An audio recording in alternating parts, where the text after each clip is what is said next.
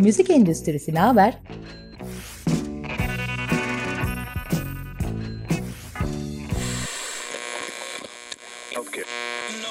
Müzik endüstrisinin her alandaki dinamikleri.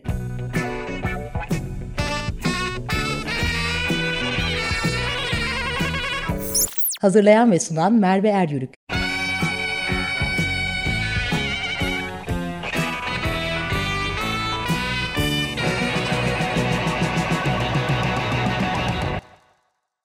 Merhabalar. Müzik dosya paylaşım hizmeti veren, korsan yayın yapan Napster, 2001 yılında kapanmak zorunda kaldığında sitede 21.4 milyon kullanıcı aktifti. Bu noktada müzik tüketiminin internet yoluyla tamamen evrim geçireceğinin ilk belirtisini gördük. Napster'ın o dönemki başarısı tüm şarkılara kolayca ulaşabiliyorduk. Müzik endüstrisinin canını çok acıtan bir mecra olsa da endüstrinin evrilmesinde rolü büyük. Dinleyici artık kolay alışmış, macun tüpten çıkmıştı. Dijitalin hayatımıza girmesiyle müzik endüstrisinin değer yaratım zincirindeki üretim, yapım, dağıtım, tüketim olan tüm halkalar da kaçınılmaz olarak değişti ve değişmeye devam ediyor. Bugün konuşacağımız konu bu zincirin en son halkası olan tüketiciler yani dinleyiciler. Dinleyiciler müziğe nasıl ulaşıyor ve müziği nerelerden keşfediyor? Bu konuyu da 90'lı yıllardan beri özel televizyon ve radyolarda çalışmış, bugün Power FM'in genel yayın yönetmeni, müzik direktörü radyo ve podcast yayıncısı Burçin Acar'la konuşacağız. Hoş geldiniz. Merhaba, nasılsınız? İyiyim, teşekkürler. Siz?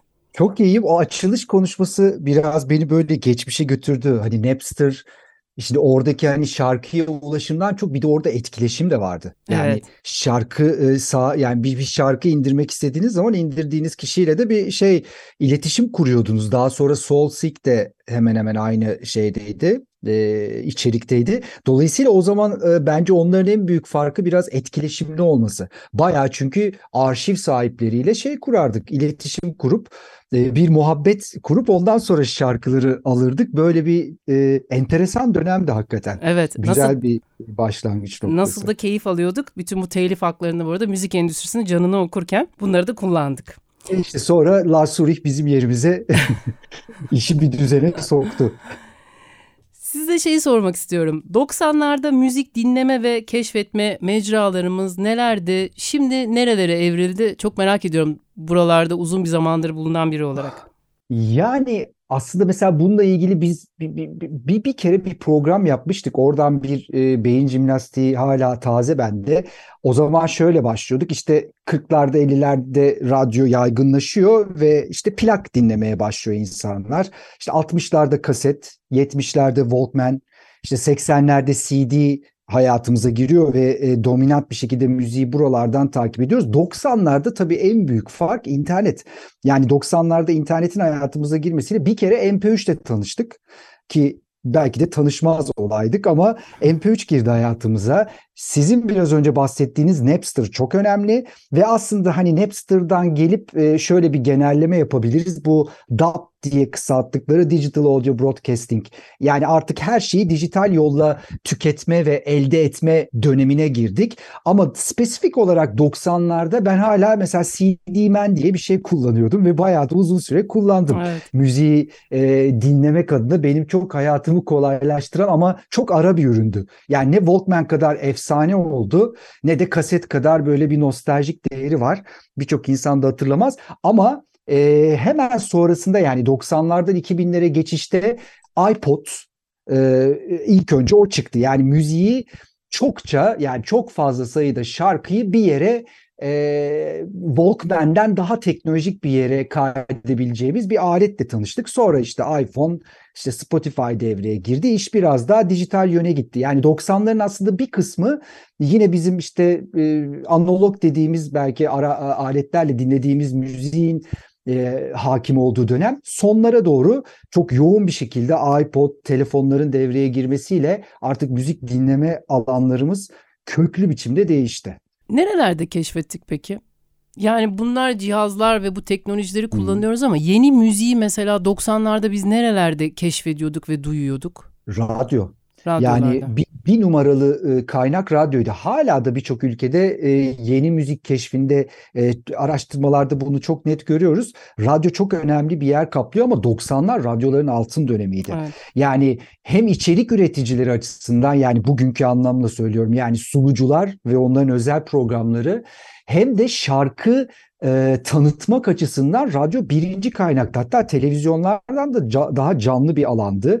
Ya şöyle söyleyebilirim biz 90'larda radyoculuk yaparken mesela bir plak şirketine gidip bir şarkıyı ilk defa yani alan olmak için hızlı bir şekilde sabahın erken saatinde otomobile binip plak şirketine gidiyorduk. Bizimle beraber rakip bir radyoda çalışan arkadaşlarımız da aynısını yapıyordu. Kim erken giderse eğer bir kopya varsa şarkıyı o alıyordu veya iki kopya varsa ikimiz de alıyorduk. Kim erken radyoya varırsa o çalıyordu. Yani böyle bir hani yeni şarkının e, dinleyiciye ulaştırılması açısından aslında son derece analog bir çaba sarf ediyorduk. Ama gerçekten de çaldığımız şarkı ilk defa çalınıyordu. Yani dinleyici ilk defa o şarkıyı radyoda dinliyordu. Birçokları benim gibi radyodan kayıtlar yapıyordu. Yani ben de onları yapıyordum. Radyodan kay, kaydedip programları ve şarkıları daha sonra dinliyordum. Ee, ama radyo çok önemliydi ve gerçekten o zamanki radyoculuk biraz da böyle yeni şarkı keşfedip bunu dinleyiciyle paylaşma. Hele de bir hit şarkı keşfettiysek o zaten radyonun ondan sonra büyümesi için de bir iğme yaratıyordu ama bir numaralı kaynak radyolardı. O, o, o konuda pek de yarışan bir yer yoktu. Ben şeyi çok iyi hatırlıyorum. Number One'da siz çalıştığınızda e, Madonna'nın Frozen klibi çıkacaktı. Ya. Ben o heyecanınızı daha sabahtan işte klip çok acayip falan büyük bir heyecanla beklediğimizi çok iyi hatırlıyorum. Şimdi evet nerelerden keşfediyoruz için o güne geri gittim tekrar sesinizi de duyunca. Doğru Frozen çok e, ikonik bir örnek benim için de öyle. Evet. Hala da dinleyiciler ve izleyiciler hatırlar. Hı. Doğru işte o video klibi de ilk yayınlamıştık. ilk izlemişti insanlar. Yani o zaman e, radyolar başta daha sonra tabii müzik televizyonları da bu konuda çok önemli bir fonksiyona sahipti 90'larda. Evet. Şimdi şöyle bir e, araştırma yapılmış onu paylaşmak isterim. 2021 yılında e, IFBI Uluslararası Fonogram Endüstrisi Birliği araştırması 21 ülkede 43 bin kişiye sormuşlar müziği nereden dinliyorsun diye. Bir kere haftada 18.4 saat müzik dinlendiği verisi çıkmış. %23'ü ücretli dijital platformlardan, %22'si videolu müzik platformlarından, %16'sı radyo, %11'i TikTok gibi kısa süreli video aplikasyonlarından, %9'u hala fiziki plaklardan ve CD'lerden de alışverişine devam ediyormuş. Bu en kapsamlı ve en güncel verilerden bir tanesi. Bunu paylaşmak istedim. Bu 2021 ama tabii buradaki şey de çok önemli diye düşünüyorum. Pandeminin etkisiyle müzik dinleme alışkanlıklarımız değişti mi? Ee, bir miktar değişti ama tekrar eski haline geliyor. Yani şöyle söyleyeyim. Şimdi bu, bu programı biz sizinle hemen pandemi çıkışında hatta bitti bitmedi aralığında yapsaydık başka bir şey konuşuyor olurduk ama şimdi başka bir şey konuşuyoruz. Hı hı. Düzenli olarak araştırmaları ben de takip ediyorum. Hı hı. Mesela e, radyolar için bir değişim söz konusu oldu tam pandeminin öncesinde şunlar konuşuluyordu radyo özelinde. İşte dijital geldi, radyolar artık bitecek. Hani pek de kimse artık zaten gençler radyo dinlemiyor. Ee, ve bundan sonra da çok da fazla buraya bir yönelim olmayacak ama öyle olmadığını mesela İngiltere verileri bize çok net gösteriyor. İngiltere'de son yapılan 3 araştırmada da e, insanların müzik tüketmek için tercih ettikleri birinci mecra halen radyo. Bunu görüyoruz ve hatta şöyle söyleyeyim İngiltere'de tüm zamanlardaki yapılan araştırmalarda en yüksek orana ulaştı radyo.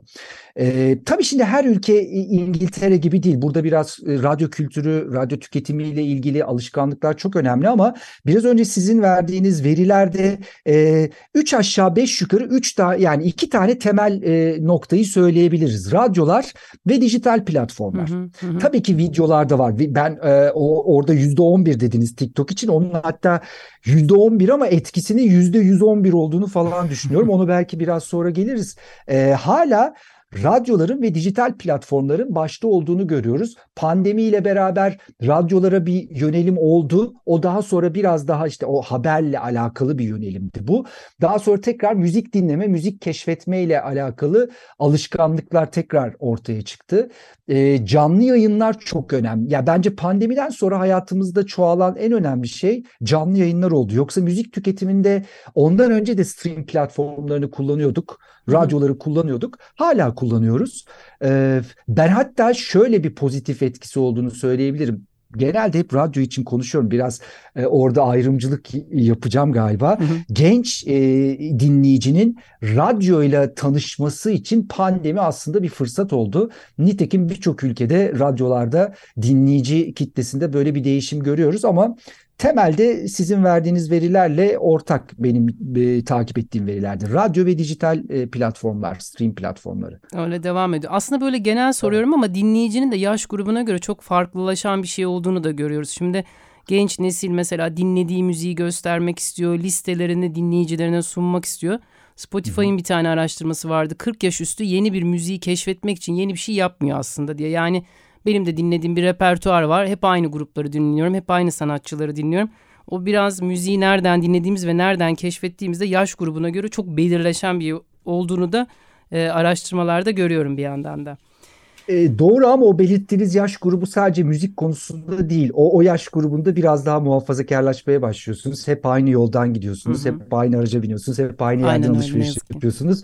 Ve hep aynı müzikleri dinlemeyi tercih ediyorsunuz. Biraz güvenli alanla ilgili belki. Evet. Dolayısıyla hani müzik tercihlerinde de öyle olması e, normal ama şunu net söyleyebilirim. Şeyin kırıldığını görüyorum ben. İngiltere'de, Fransa'da yani radyoculuğun çok köklü olduğu yerlerde gençler radyo dinlemiyor. Hele Z kuşağının radyo ile alakası yok. Bu bu burada ciddi kırılmalar meydana geldi son iki yıldır işte pandemi sonrasında.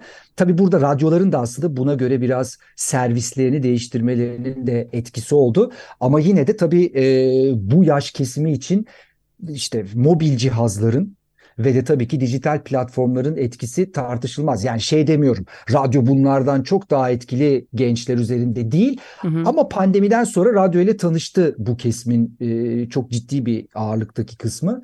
E, ama yine de tercihlerin dijitalde olduğunu görüyorum ben de. Ben pandemide şeyi düşünmüştüm. En fazla radyo dinlediğim alan tabii yine yaş grubumdan dolayı işte okula gitme, işe gitme, gidiş ve geliş hmm. saatleri. O saatler olmadığı vakit müzik dinlemez yani radyodan müzik dinlemenin düştüğü dijital platformlarda daha bir çıkış olduğunu düşünmüştüm ama tabii haber kısımları falan var. Bunları atlamışım. Demek ama radyo e, pandemi döneminde yükselişe geçmiş. Ben fena evet, farklı şimdi Türkiye tabii Türkiye verileriyle mesela İngiltere verisi paralel gitmiyor burada. Ee, bir de tabii şimdi veri siz de bakmışsınızdır. Şimdi Türkiye'de yapılan araştırmalar ve bu konudaki verilerle Hani Türkiye dışına çıktığınızda bambaşka bir şey havuzla Aynen karşılaşıyorsunuz. Öyle. Bu konuştuğumuz çoğu şeyin Türkiye'de araştırması anca bir kurumun isteğine bağlı ve e, o da ulaşabilirseniz bulabildiğiniz araştırmalar. Yoksa bu kadar halka açık açık kaynaklı araştırma Türkiye'de çok yok ama e, dediğiniz bir ölçüde yine doğru yani dinleme açısından otomobil ve radyolar şu anda halen e, özellikle otomobil radyoları radyolar için birinci merkez. Hı hı. Ama bu tabii bir takım aletlerin devreye girmesiyle değişebilecek. Bunu görüyoruz yurt dışındaki araştırmalardan. Mesela akıllı hoparlörler. Türkiye'de çok fazla yaygınlaşmadı ama mesela yurt dışında radyo evlere döndü diye bir durum var. Neden? Çünkü bu akıllı hoparlör sesli olarak komut verebildiğiniz hoparlörlerin e, şeyi çok fazla, satışı çok arttı. Dolayısıyla radyo dinleme biraz arabalardan evlere de kaymaya başladı. Sadece arabaydı çok uzun bir zaman otomobillerdi. Evlere de kaymaya başladı. Türkiye'deki durum da bence yine hala otomobillerde çok çok daha baskın e, radyo dinleme durumu.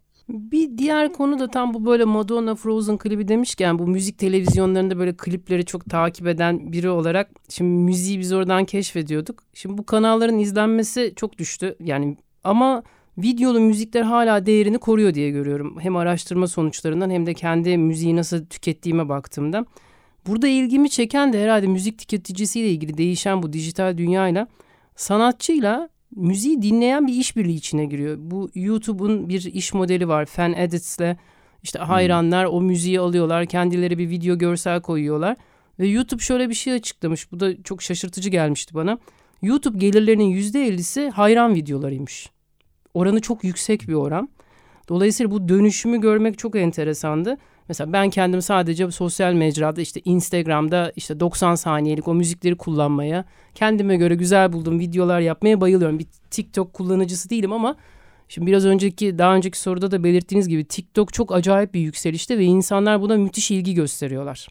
Siz bunu nasıl Ee, değerlendiriyorsunuz Türkiye'deki kullanıcılar açısından?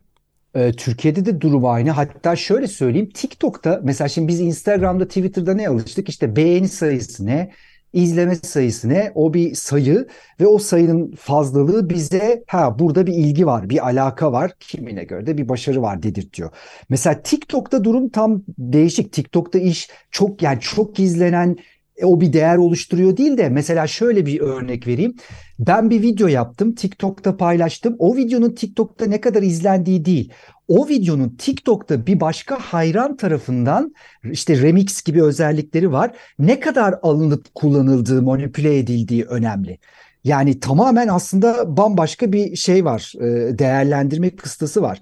Dolayısıyla aslında biraz önce YouTube'daki sonuçta paralel bir şey söylüyorum. Yani hayranların gelip o video ile yaptıkları başka videolar, remix videolar öyle e, tarif ediliyor TikTok'ta. Bunların sayısı ne kadar fazlaysa aslında o video ve o içerik o kadar değerli. Mesela TikTok'ta çok izlendi, çok önemli değil. Ama ne kadar fazla manipüle edildi, hayran tarafından kullanıldı o kadar önemli. Ve buralar artık sadece hani bizim belki de çok algımızda sabitleşen işte böyle garip in-house evden böyle enteresan işte videoların, içeriklerin paylaşıldığı yeri aştılar biraz. Yani mesela yurt dışında şöyle bir veriyi biliyorum ben. işte 15-17 yaş e, grubu %70'i her gün TikTok ve YouTube'da bir video tüketiyor. Ve bunların birçoğu artık haber dediğimiz şeyi televizyondan takip etmiyorlar. Ya radyodan ya da TikTok ve YouTube'dan takip ediyorlar. Nasıl takip ediyorlar? Son dönemde siz de fark etmişsinizdir. Instagram'da da var. Kısa kısa haberler, haber videoları paylaşılmaya başlandı. İşte içinde görsellerin olduğu, sesin olduğu ama o platformun süresi kadar. Ve gençler artık haberi buradan alıyorlar. Videoyu buradan seyrediyorlar, müziği buradan dinliyorlar ve bu dolayısıyla müziği de etkilemeye başladı. Başka bir konu belki ama hani burada da önemli olduğu için söyleyebilirim. Artık TikTok'tan çıkan şarkıların playlistleri domine ettiği bir dönem yaşıyoruz. Amerika'da en uzun, en uzun süre bir numarada kalan şarkının çıktığı yer TikTok. Ve bu şarkı sürelerini de etkilemeye başladı. Yani artık bir buçuk dakika, bir işte iki dakika maksimum şarkılarla karşılaşıyoruz. Bunun temel sebebi TikTok. Yani üretim yeri. Dolayısıyla e, evet müzik kanalları artık çok seyredilmiyor ama video hala çok başat bir medya aracı. Videonun olduğu her yerde hareket var. YouTube'da da var, TikTok'ta da var, Instagram'da da var, başka biçimiyle Snapchat'te de var. Dolayısıyla video hala çok dominant. Sadece onun tüketim şekli değişti. Bir de tabii etkileşim girdi. Yani müzik televizyonlarında eskiden etkileşim dediğiniz işte ya fax çekersiniz ya bir mesaj yazarsınız. Hani ancak o kadar. Ama şu anda direkt klibi etkileyip değiştirebileceğiniz bir e, alana sahipsiniz.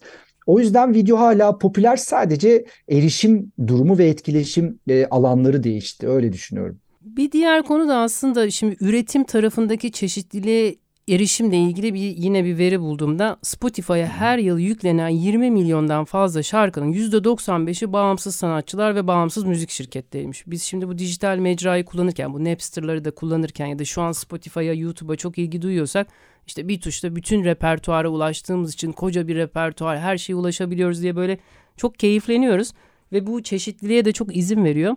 Tüketim tarafına baktığımızda da Spotify'a şarkıları yüklenen tüm bu sanatçıların yüzde birinden daha azı toplam dinlemelerin yüzde doksanını elde ediyor. Yani çeşitlilik çok ama aslında ufacık bir repertuara e, sadece dinlemek istiyoruz. Dolayısıyla hani 2019 yılında yapılan bir araştırmada diyor ki yine dijital kataloglardaki şarkıların yüzde sekseninin hiçbir indirmesi veya dinlenmesi olmamış. Hmm. Neden? Ee, yani şöyle bir durum var. Hatta ben de onu destekleyen bir veri söyleyeyim. Bununla ilgili bir bir, bir şeye katılmıştım bir konferans gibi. Her gün bu dijital servis sağlayıcılarına her gün ortalama 100 binden fazla şarkı yüklendiğini anlattılar. Ve bu 18 ay önce 60 bindi. Yani gittikçe de artan Hı hı. bir sayıdan e, bahsediyoruz, bir orandan bahsediyoruz. Hatta Apple Müziğin toplam kataloğunda 100 milyona yakın e, şarkı olduğu söyleniyor. Yani sizin söylediğiniz aslında sayılarla aşağı yukarı Hı hı. e, benzeşen rakamlar bunlar. Şimdi buradaki durum bir şu. Kullanıcı açısından kolaylık. Şimdi eskiden Spotify yokken ve bu tür platformlar yokken siz bir müzik ürettiğinizde ne yapıyordunuz? Gidip bir plak şirketiyle e, bu işi götürmek zorundaydınız. Onlarla anlaşacaksınız. İşte belli e, tavizler vereceksiniz veya belli kazanımlarınız olacak. Ondan sonra stüdyolara girilecek. O plak şirketi sizin adınıza işte meslek birliklerine kayıtlarda bulunacak vesaire vesaire. Yani bunu anlatabileceğimiz şey dakikalar alır. Bu sayede şarkınızı paylaşabiliyordunuz ve zaten paylaştığınız yerlerde o plak şirketinin etki alanıyla da kısıtlıydı. Yani plak şirketinin radyolarla arası ise orada belki yayınlanabiliyordu veya bir konsere çıkarabiliyorsa sizi. Ama şu anda nasıl? Ben burada müziğimi yaparım ve hemen sonra Spotify'dan da paylaşırım. Bu kadar basit. Bu kadar basit olduğu için bu kadar çok şey var. Ee, yükleme var. Podcast'te de aynı mesela. Podcast'lerin %90'ı aslında saçma sapan ses kayıtlarıyla Hı hı. dolu bir havuz orası. Şarkıda da aynı şey var. Buradaki temel nokta kolaylaşma. Ama tabii sonuçta ortaya sizin de dediğiniz gibi çok geniş bir alan çıkıyor ve dinleyici için artık şöyle bir sorun başladı. Tamam her şey var ama bu her şey arasında benim aradığım en iyisi nerede? Şimdi burada da şöyle tezatlar ortaya çıkmaya başladı. Stream platformları size bir liste veriyor. Diyor ki bak bu liste en iyi liste, en güzel liste. Ha öyle mi diyorsun? Sen onu dinlemeye başlıyorsun. Sen onu dinlediğin için bundan sonra hep benzer şeyler karşına gelmeye başlıyor. Ve sen aslında hep sınırlı bir alanda bir müzik dinleme faaliyeti gerçekleştiriyorsun. Zamanla bunu da bence dinleyiciler de fark etmeye başladılar. O yüzden de mesela bazı platformlar kürasyonlar yapıyor. Yani biri gidiyor diyor ki hayır diyor bak bence burada keşfedilecek şöyle şarkılar var. Bunları dinlersen iyi olur. Bunların mesela değerinin arttığı da böyle e, uygulamalar görüyoruz. Dediğiniz gibi havuz çok şey derin ve alan çok geniş ve burada artık iyi şarkı keşfetmek öyle dinleyicinin yapacağı amatör bir dinlemeyle pek olacak gibi değil. Dolayısıyla ciddi kürasyonlara bence eskisinden daha fazla ihtiyaç var. Aslında da radyo tam da bu alanda devreye giriyor. Yani radyo aslında mantığı nedir? Radyo her gün size bir kürasyon yapar. Her gün size bir playlist hazırlar ve bu playlisti de arka tarafta böyle hani gerçekten işi müzik olan bir takım insanlar hazırlar. Yani sizin Spotify'da arada sırada yaptığınız ve böyle biraz üşendiğiniz şeyi radyolar her gün taze olarak yapıp karşınıza çıkarır. E, hatta şöyle bir benzetme vardı o katıldığım toplantılardan birinde. Stream platformları e, ateşi yakar. Yani bir şarkı için "A- acaba o şarkı nereye gidecek diye düşünenler için ateşi yakar. Ama o ateşi benzini döküp ne kadar uzun süre yakılacağını, ne kadar uzun süre alev alacağını tespit eden hala radyolar. Yani şarkı evet çok ve ulaşılabilir şeyde stream platformlarında ama onlar arasında gerçekten hangileri iyi, hangileri uzun süre yaşayacak bunun için aslında hala radyoların devreye girdiği bir dönemi yaşıyoruz. Ee, belki dinleyicilere de böyle bir yolda gösterilebilir. Hani kaybolduğunuzu düşünüyorsanız o derin e, havuzda radyolar aslında her gün kendi şeylerinde müzik formatlarında bu kürasyonu yapıyorlar. Şimdi ulusal ve uluslararası araştırmalarda o zaman şöyle bir toparlayınca şunları söylüyor. Müziği nerelerden keşfediyoruz deyince işte tam dediklerinize paralel platform önerileri, radyoların çaldığı listeler, arkadaş tavsiyesi, sosyal medya bu aralar en hit olan TikTok, YouTube videoları, radyo, TV, film soundtrackleri, reklamlar, konserler, video oyunları o ciddi bir çıkışta ve bir de maruz kaldıklarımız var önümüze önümüze gelen K-pop gibi mesela ve diziler. Ee, dizilerdeki çalınan müzikler de inanılmaz derecede ben yaptığım işten dolayı telif haklarında çalışıyorum. Orada da ben görüyorum hemen bir Ahmet Kaya çalıyor bizim bir sonraki dağıtımımızda ciddi boyutta çaldığını görüyoruz sonrasında. Tüm bu etkenler bizim müziği tekrar başka bir şekilde keşfetmemize sebep oluyor. Tabii bu biraz hedef kitleye göre sıralama birden e, en doğru yerden sıralamadım. Hedef kitleye göre de değişim göstererek buralardan müziği keşfediyormuşuz. Ee, iyi de bir şeyler oluyor aslında. Mesela işte en popüler örneği Stranger Things'te Metallica'nın Master of Puppets şarkısı kullanıldı. E, ve şarkıyla hiç alakası olmayan hatta grupla hiç alakası olmayan çok geniş bir kitle Hı hı. ki Stranger Things'in izleyici kitlesinde yaş seviyesi gittikçe düşüyor. Master Puppets'la tanıştılar ve çok sevdiler. Yani grup da buna inanamadı. Nasıl yani nasıl olur da Master Puppets'ı bugün 15 yaşında bir çocuk büyük bir zevkle ve iştahla ezbere söyler. Hatta aynı dizide işte Kate Bush'un Running Up That Hill şarkısı kullanıldı. O şarkıda büyük bir 80'ler klasiğidir. Hani çok severdik. Hani en kabadayı Placebo'dan dinleyip bilenler vardı. Ama bir anda Kate Bush'la tanıştılar. Yani aslında dizilerin, e, filmlerin bence bu anlamda eğer tabii arkasında çalışan ekip gerçekten bu işe kafa patlatıyor, patlatıyorsa ben olumlu e, etkileri olduğunu düşünüyorum. Yani hiç muhatap olmayacakları tür ve şarkılarla muhatap oluyorlar ve seviyorlar da. Ben bunun çok e, olumlu, iyi kullanıldığında çok olumlu sonuçlar verdiğini düşünüyorum. Zaten son 2-3 yıldır çok da örneğini görüyoruz. Türkiye'de de aynı şekilde. Ben de katılıyorum. Yani 12 yaşındaki oğlum 80'ler ve 90'lar repertuarındaki şahane şarkıları biliyor. Ben de çok mutlu oluyorum. Evet, çok iyi, çok iyi. Evet. Son sorum da e, müzik dinleyicisi sizce telif haklarını önemsiyor mu? Şimdi çevreye baktığımızda aslında bu giydiğimiz kıyafetler, işte yediğimiz yemekler, bir sürü çevre faktörü, bir sürü bir şeyi önemsiyoruz aslında. Çocuk işçinin kullanılmadığı tekstil ürünlerine gidiyoruz. Yok hayvan testi yapılmayan kozmetik ürünlerine gidiyoruz ama aynı şeyi hayatımızın bu kadar içinde olan bu müzikle ilgili müzik dinleyicisi ya bu eser sahibine, bu şarkıcıya ya da yapım şirketine haklar gidiyordur diye bir tercihte bulunuyor mu sizce? Bunu önemsiyorlar mı? Ya şimdi bunun için e, buradan ahkam kesmek zor ama yani neye bakarak söyleyebiliriz? Mesela işte en çok kullanılan Spotify ise işte Spotify'ın premium üye sayısı artıyor mu azalıyor mu? Burada bir sıkıntı mesela buraya baktığımızda ücretli abone sayısının sürekli arttığını görüyoruz. Yani hatta en son 190 milyonu aşmıştı. Ha toplam üye sayısı da yaklaşık yanlış hatırlamıyorsam 400 450 milyon kadardı. Ama bu a, a, önemsenmeyecek, azımsanmayacak bir orandır bence. Yani bu kadar insan o parayı verip aslında şunu yapıyorlar. Ben temiz kayıt dinlemek istiyorum. Bunun karşılığında da e, üreticiye yani içerik sahibine para ödenmesini de içine alan bir ücreti kabul ediyorum diyor. Veya iTunes'dan para vererek şarkı indiriyor. Yani bu burada da hiç fena değil performanslar. Ben biraz bunlara bakarak görüyorum. Bir de tabii işte yani başta da söylediğiniz hani biraz yaşımız da çıkıyor ortaya. O 80'leri 90'ları yaşamış o zamanlar böyle bir şey yoktu. Yani ben Soul Seek Napster kullanırken bunun ne kadar önemli müzik için ne kadar büyük bir şey olduğunu düşünüyordum birinci aşamada. Veya işte hard diskimde çok fazla MP3 olup çok fazla yani çok iyi bir arşive sahip olduğumu düşünüyordum. Ama bu zihniyet değişti. Hepimizde değişti. Artık mesela ben MP3'ü yani çok büyük bir şey olmasa yani kullanım şeyim olmasa zorunluluğum olmasa tercih etmiyorum. Yani şarkının kalitesini ne enstrüman duyabiliyorsunuz doğru düzgün ne o şarkı yani bildiğiniz şarkı o şarkı değil aslında MP3. Şimdi bu değişti. Ne değişti başka? Mesela o zaman işte ben üreticiyle iletişime geçip onun arşivini bana atması, ben de kendi arşivimi ona atmamla yeteri derecede müziğe katkı yaptığımı düşünüyordum. Ama şimdi böyle değil, şimdi bunu yapmam. Yani bu bence dinleyicide de değişti. Artık para veriyorlar üye oluyorlar. Bu işte yani şeyde de aynı, filmlerde, dizilerde de aynı. Şimdi bahsettiğimiz platformlar, bahsetmedik ama işte birçok platform var. Ama aynı dizileri siz şu anda para vermeden de internetten izleyebiliyor musunuz? İzleyebiliyorsunuz. Ama birçoğumuz e, para vererek e, izlemeyi de tercih ediyor. Yani bunun arkasında hem kaliteli ürüne sahip olmak hem de bir kısmında da e, umut ediyorum ki şöyle bir düşünce var. Evet bu içeriği üretenler de para kazansın ki ben de daha fazla kaliteli iş izleyeyim ya da dinleyeyim.